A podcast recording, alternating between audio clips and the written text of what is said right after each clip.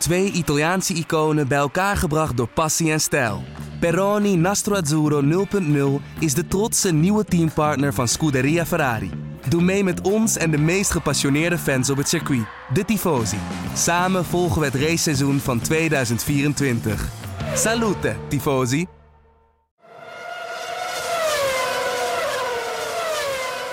Goeiedag, welkom weer bij onze Formule 1 podcast. Mijn naam is Daan Smink en met onze Formule 1 expert Joost Nederpelt blikken we even terug op de laatste race van het seizoen, gewonnen door Valtteri Bottas. Uh, en we blikken ook natuurlijk alvast voorzichtig vooruit naar het uh, nieuwe seizoen en naar de kansen van Max Verstappen om misschien dan echt om de wereldtitel mee te doen. Laten we beginnen met, uh, met de race van, van gisteren. Abu Dhabi. Het was een erg saaie race. Mensen klaagden massaal dat ze in, uh, in slaap vielen. Ja. Voor Bottas leuk dat hij, uh, dat hij even won. Had hij ook hard nodig. Maar het was niet de afsluiter die zo'n seizoen verdient. Nee, ik vraag me af of iedereen het wel volgehouden heeft, alle rondjes. er zullen best wat mensen in, in slaap gevallen zijn. ik kan ze niet helemaal ongelijk geven. Ja, het, het was een, een saaie race. aan de ene kant komt dat omdat gewoon de, de snelste auto's vooraan reden. Dus er was niet zoals eerder in Brazilië dat Hamilton naar voren moest komen of Ricciardo. iedereen die reed... die, ja, ze reden eigenlijk allemaal bij elkaar vandaan. Want uh, de Mercedes reden bij de Ferraris weg. Uh, en Ricciardo die lag achter Vettel, maar die kon Vettel weer niet helemaal bijhouden. Eigenlijk de enige die degene voor zich bij konden houden waren Hamilton, die dan wel steeds in de buurt van Bottas reed. En Verstappen die dan achter de Rijkonen uh, reed. Maar ja, dan kom je bij het nadeel van dit circuit. Inhalen is ja. uh, schier onmogelijk. Zeker als het, het verschil tussen de auto's niet zo groot is. En ik geloof dat Hamilton die had zelfs uh, met zijn team berekend... dat je op een ronde 1,4 seconden sneller moet zijn... wil je degene die voor je rijdt met vergelijkbaar materiaal in kunnen halen. Dus ja, het was niet zo verwonderlijk dat het, dat het heel saai was. maar wel zonde dat een toch mooi Formule 1 seizoen op deze manier werd afgesloten. Ja, inderdaad. Want inderdaad, uh, in deze uh, Grand Prix zag je duidelijk dat het gewoon hier echt aankwam op het verschil in auto's. Dat maakte het verschil. En de coureur die had uh, eigenlijk in dat opzicht veel minder inbrengen. Verstappen die zat op een gegeven moment uh, achter Raikkonen. Die zat er heel kort achter. Maar zei ja, na twee telen wist ik al, ja, ik ga hem toch niet inhalen. Nee, ja, dat is, heeft ook weer te maken met de eigenschappen van Verstappens auto. Die nu niet zoveel topsnelheid tekort kwam. Want ze reden duidelijk met wat minder downforce dan de concurrenten. Maar toch uiteindelijk net even die echte power mist die, die hem dan voorbij Raikkonen zou kunnen helpen. Want die Ferrari motor is gewoon sterker dan de Renault motor.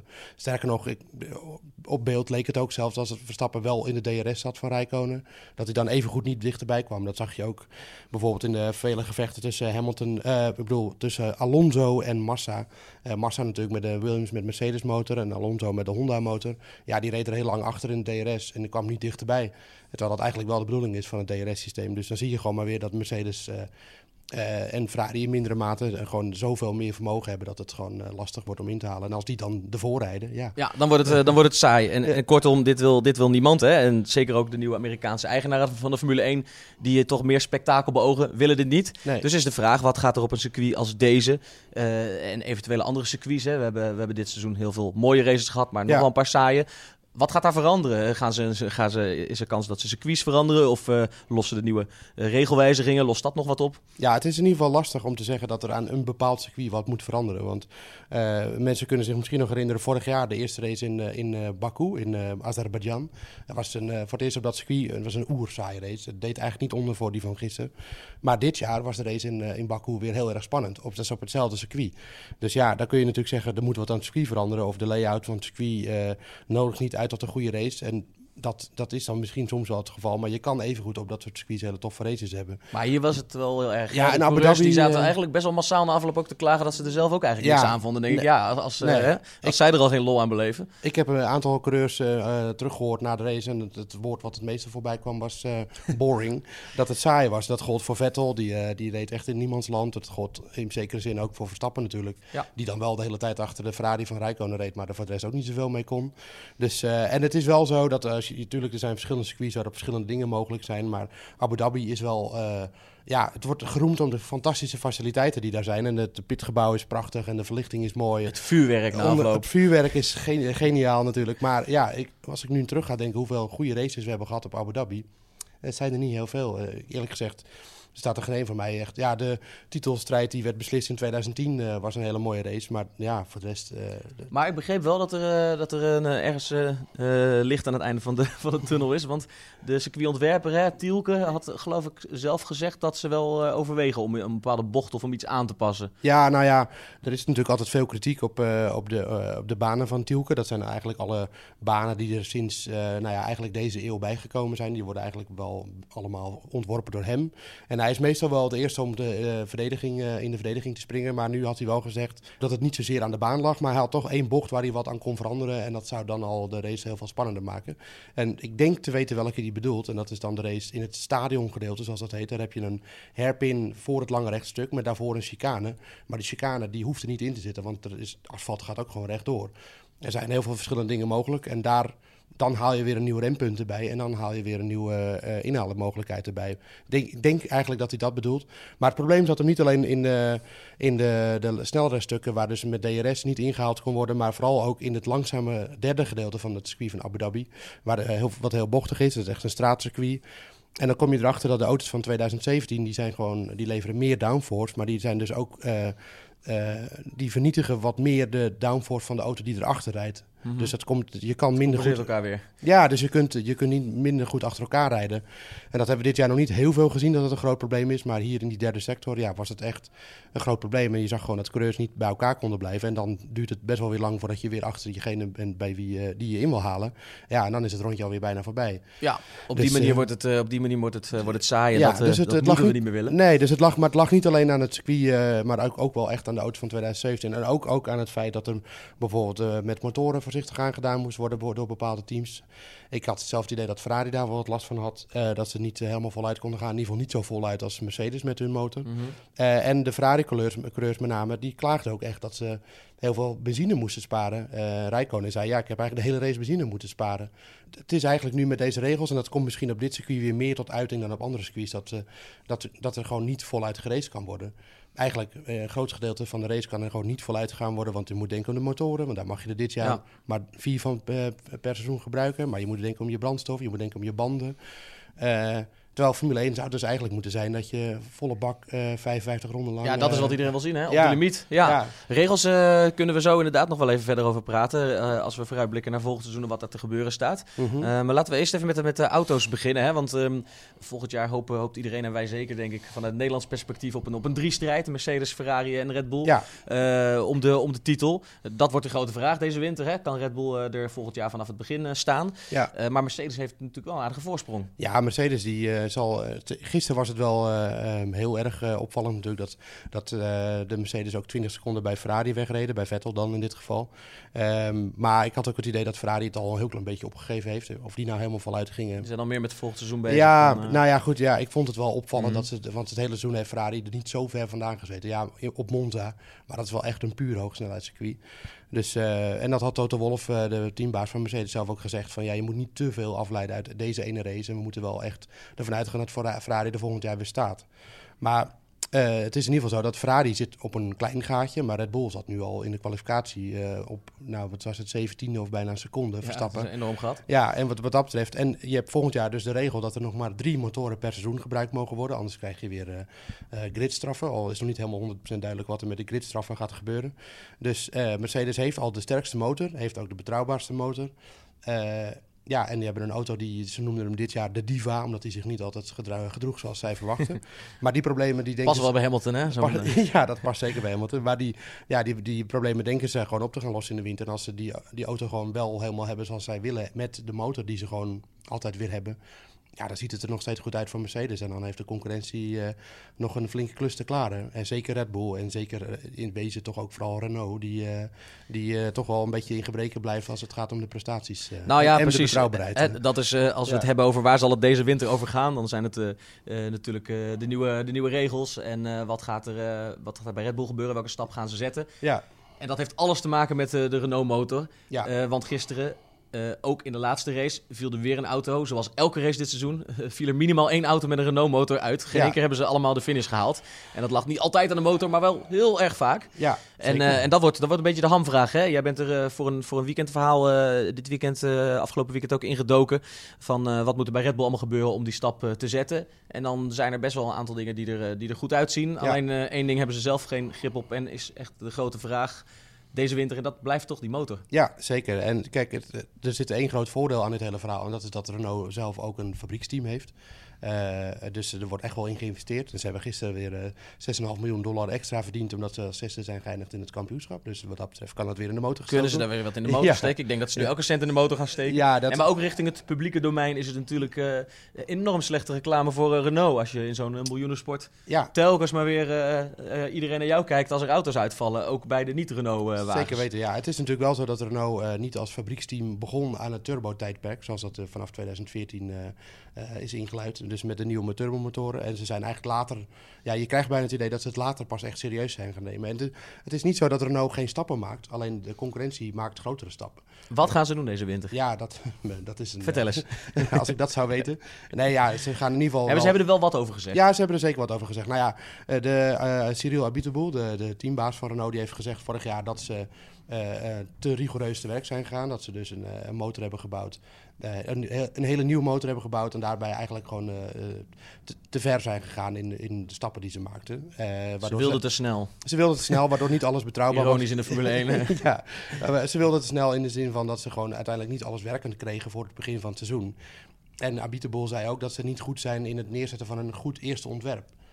Wat op zich natuurlijk wel opmerkelijk is. Maar eh, ja. ja, ja, dus... de- Als je al geen goed eerste onderwerp kan maken, dan eh, wordt het lastig daar Nee, en dan te ben je daarna ben je, ben je de, de- eigenlijk de hele boel alweer aan het recht zetten. Dus, eh, maar ze gaan het deze winter denk ik dan toch wel weer opnieuw proberen om een zo, zo nieuw mogelijke motor te Ja, maken. beginnen ze dan helemaal opnieuw? Nou, kijk, je hebt Met de natuurlijk... lessen van afgelopen jaar natuurlijk, maar Ja, je hebt een, een complete eh, layout van een motor met hoe de turbo zit en hoe de MGU, H en K, dat zijn alle onderdelen die van het hybride systeem zijn, hoe die zitten. staat dat voor? Even één keer. Nou, dat is in ieder geval de, de MGU H, eh, die zit vast aan de turbo eh, en die Mhm. eh, wekt daardoor energie. En de MGU K is een systeem wat door energie die opgeslagen wordt van de remmen, eigenlijk net als een normale hybride auto zoals die op de weg tegenkomt, dan de extra vermogen levert aan de motor. Dus het is eigenlijk een elektromotor die vastzit aan de brandstofmotor. Heeft elk team dat? Elk team, ja, dat is gewoon de verplichte configuratie. Ja, en maar bij Renault, bijvoorbeeld dit seizoen, was de MGU H, ehm, die dus, nee, de MGU K, sorry, die, was, eh, complex die was bijvoorbeeld al van 2016, omdat die van 2017 niet goed functioneerde. Ja, dan ga je al met een achter, achterstandje ga je Ja. het seizoen in. Want de rest heeft gewoon fatsoenlijk eh, iets eh, goeds geleverd en doorontwikkeld. Nou ja, Honda ook niet, maar, maar voor de rest... Honda is een andere maar uitzondering. Mercedes eh, en Ferrari, die hadden alles gewoon... ja, zeker Ferrari heeft wel grote stappen gemaakt met de motor. Maar moet toch zeggen dat dan, eh, op, zo'n, dan op Monza hebben we dat gezien. Maar ook, eh, ook eh, gisteren weer tijdens in Abu Dhabi... Dat, dat Ferrari nog niet op het niveau is waar Mercedes zit. In ieder geval niet overal. En we hebben in een aantal races natuurlijk gezien dat Verstappen niet alleen dankzij zijn talent natuurlijk won. En dat doen we altijd heel graag geloven in Nederland, dat het alleen door zijn talent komt. Maar doordat hij ehm, eh, Red Bull met de Renault motor ook gewoon voldoende topsnelheid had. Ja, ja. En dat was dus gisteren ook geen punt. Maar dan moesten ze zoveel downforce inleveren. En dat bijvoorbeeld in Mexico was dat blijkbaar een minder probleem dan hier. Eh, dan moet je, dat, je wil gewoon op het rechtstuk wil je zeker een bepaalde topsnelheid halen. Eh, want als, dan word je geslacht in de race, dan haalt iedereen je in. Eh, en dan ga je op zoek naar de balans. En wanneer lever ik niet te veel in in de knappe bochten doordat ik te veel downforce heb. Nou, daar hebben ze dus, ze hebben dus in Abu Dhabi ervoor gekozen om niet zo heel veel downforce. Want ze waren ook niet zo heel snel in de eerste en in de derde sector Red Bull. Tenminste, Nee. daar, terwijl dat het hun sterke punt is, normaal gesproken. Eh, maar ook, ja, in Abu Dhabi kost dat ze gewoon heel veel. En ik denk ook dat de motor daar niet helemaal eh, voluit liep. Omdat ze anders bang waren dat ze de finish überhaupt niet zouden halen. Ehm, eh, maar dat heeft, Ferrari hoeft dat dus nog minder te doen. Dat ze de downforce opofferen. En Mercedes hoeft dat al helemaal niet te doen. Die kunnen gewoon eigenlijk de motor zo afstellen. Als, of de, de, de vleugels zo afstellen zoals ze eigenlijk idealiter zouden willen. Eh, en dat, daar is dus gewoon nog het meeste te halen voor Red Bull. Ze moeten gewoon meer vermogen en vooral ook meer betrouwbaarheid. Want ja, als je nu gaat nadenken dat de, Renault-motor die dit seizoen al... eh, ze hebben er al, volgens mij Verstappen dus al zes gebruikt. En volgend jaar moet dat met de helft. Uh, ja, dat wordt een enorm probleem als die motor weer zo slecht is als dit jaar. Want uh, dat is de, uh, als we terugkomen op die regelwijzigingen. Er zijn natuurlijk een aantal dingen die, we, die volgend jaar anders worden. Het valt relatief mee, maar hè, de Halo komen we zo denk ik nog even op. Ja. wat het hele uiterlijk van de Formule 1 auto heel anders maakt. En waar de coureurs lang niet allemaal blij mee zijn, integendeel. Nee.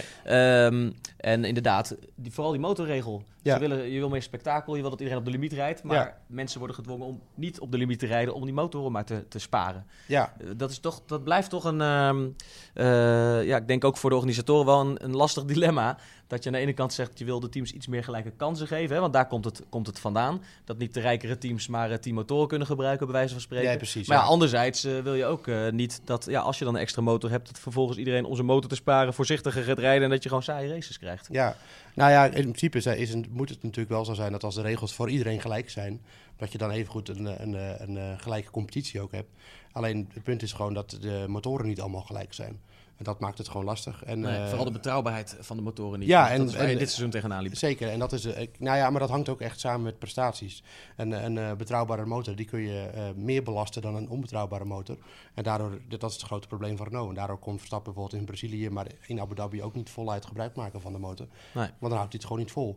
Ja, en dat, dus het houdt, dat hangt altijd met elkaar samen. Een, betrouwbare en snelle motor, dat is gewoon de ideale combinatie. En dat, ja, dat heeft Mercedes en Ferrari in zekere zin.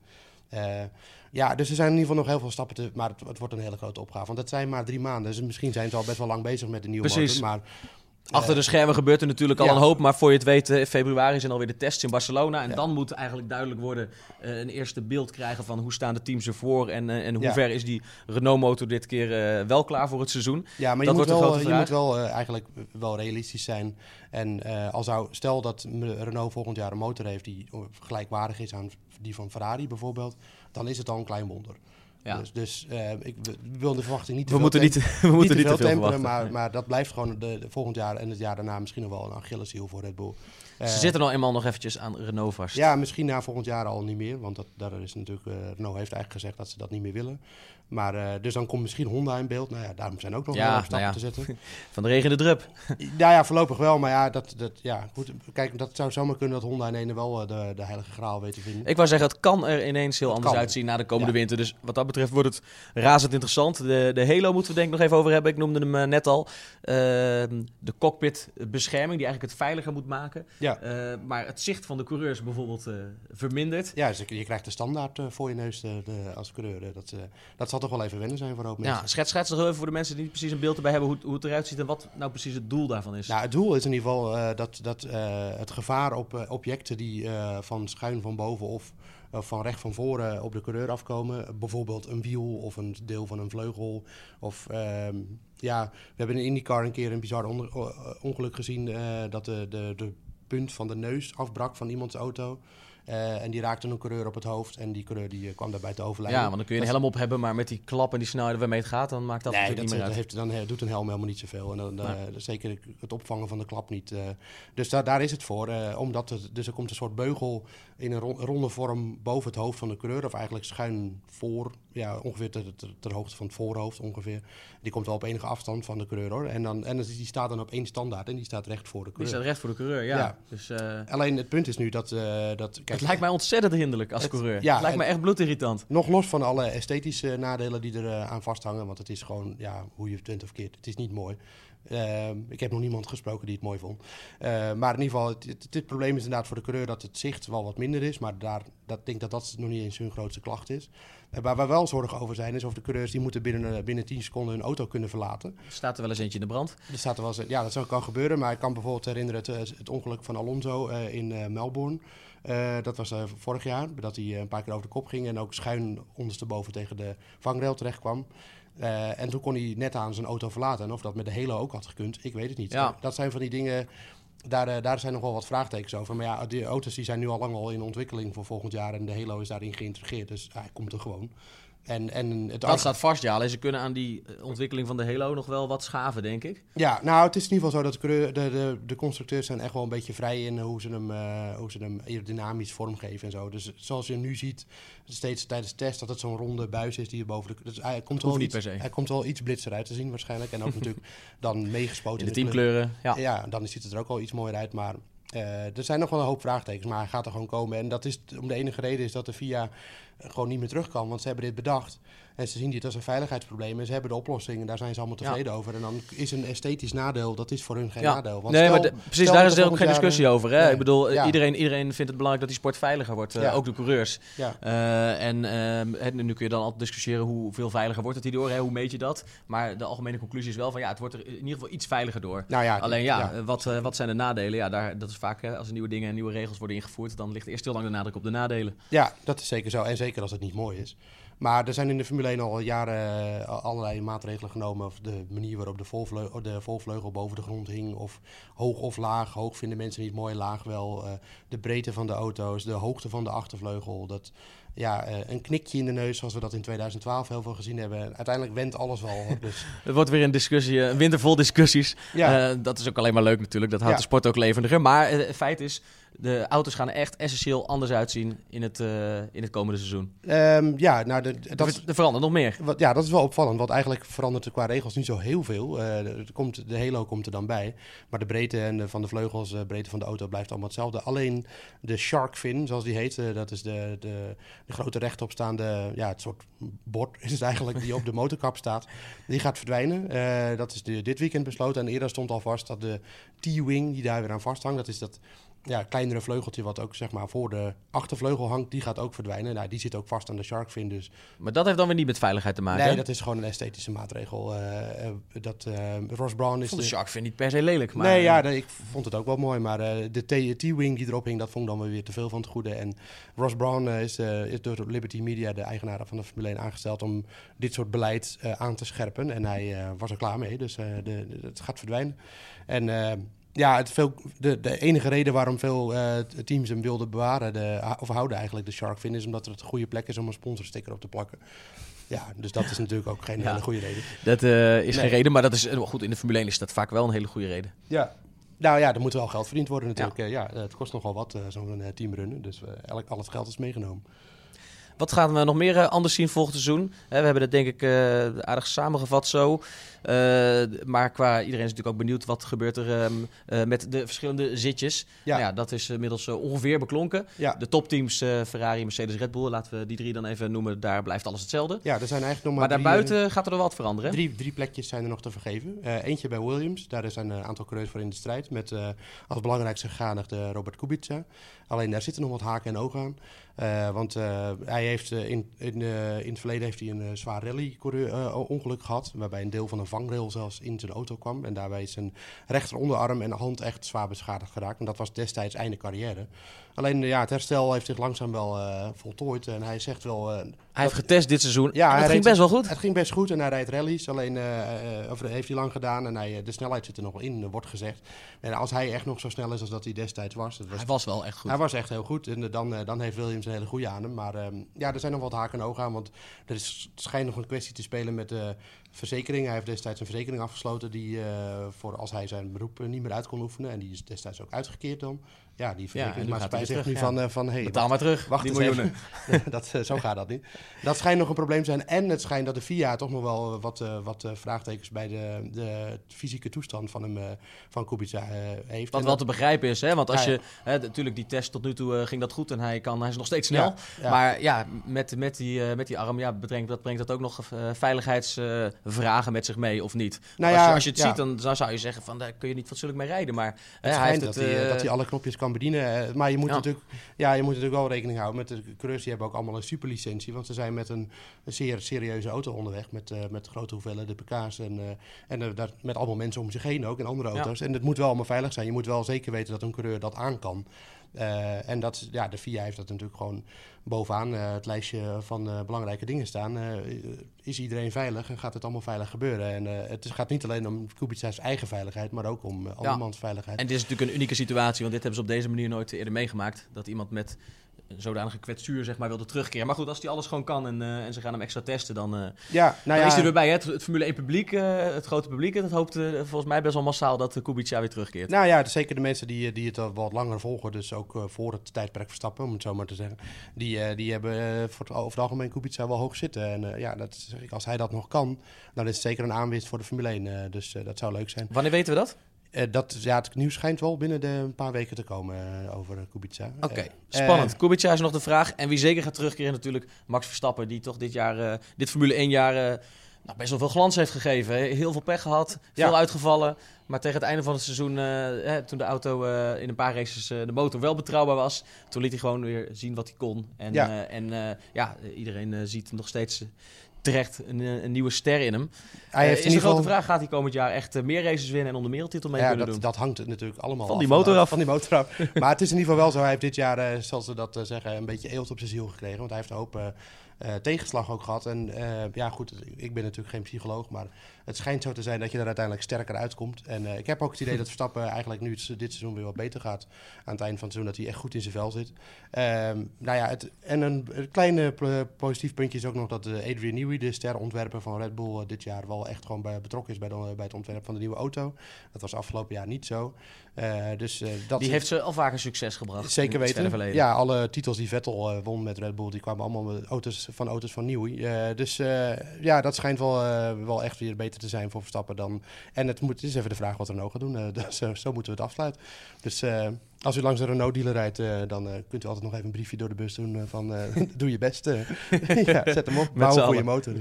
Exact. Nou, laten we daar inderdaad eh, mee afsluiten. Maar niet voordat we ook nog even hebben, hebben opgeroepen om je te abonneren op deze podcast op iTunes. En laat er ook eh, vooral een recensie achter waar wij weer ons eh, voordeel mee kunnen doen. Want het plan is natuurlijk om hier eh, volgend jaar mee door te gaan. Dus tot eh, een volgende Formule 1 podcast. Bedankt voor het luisteren. Ja, fijne winter.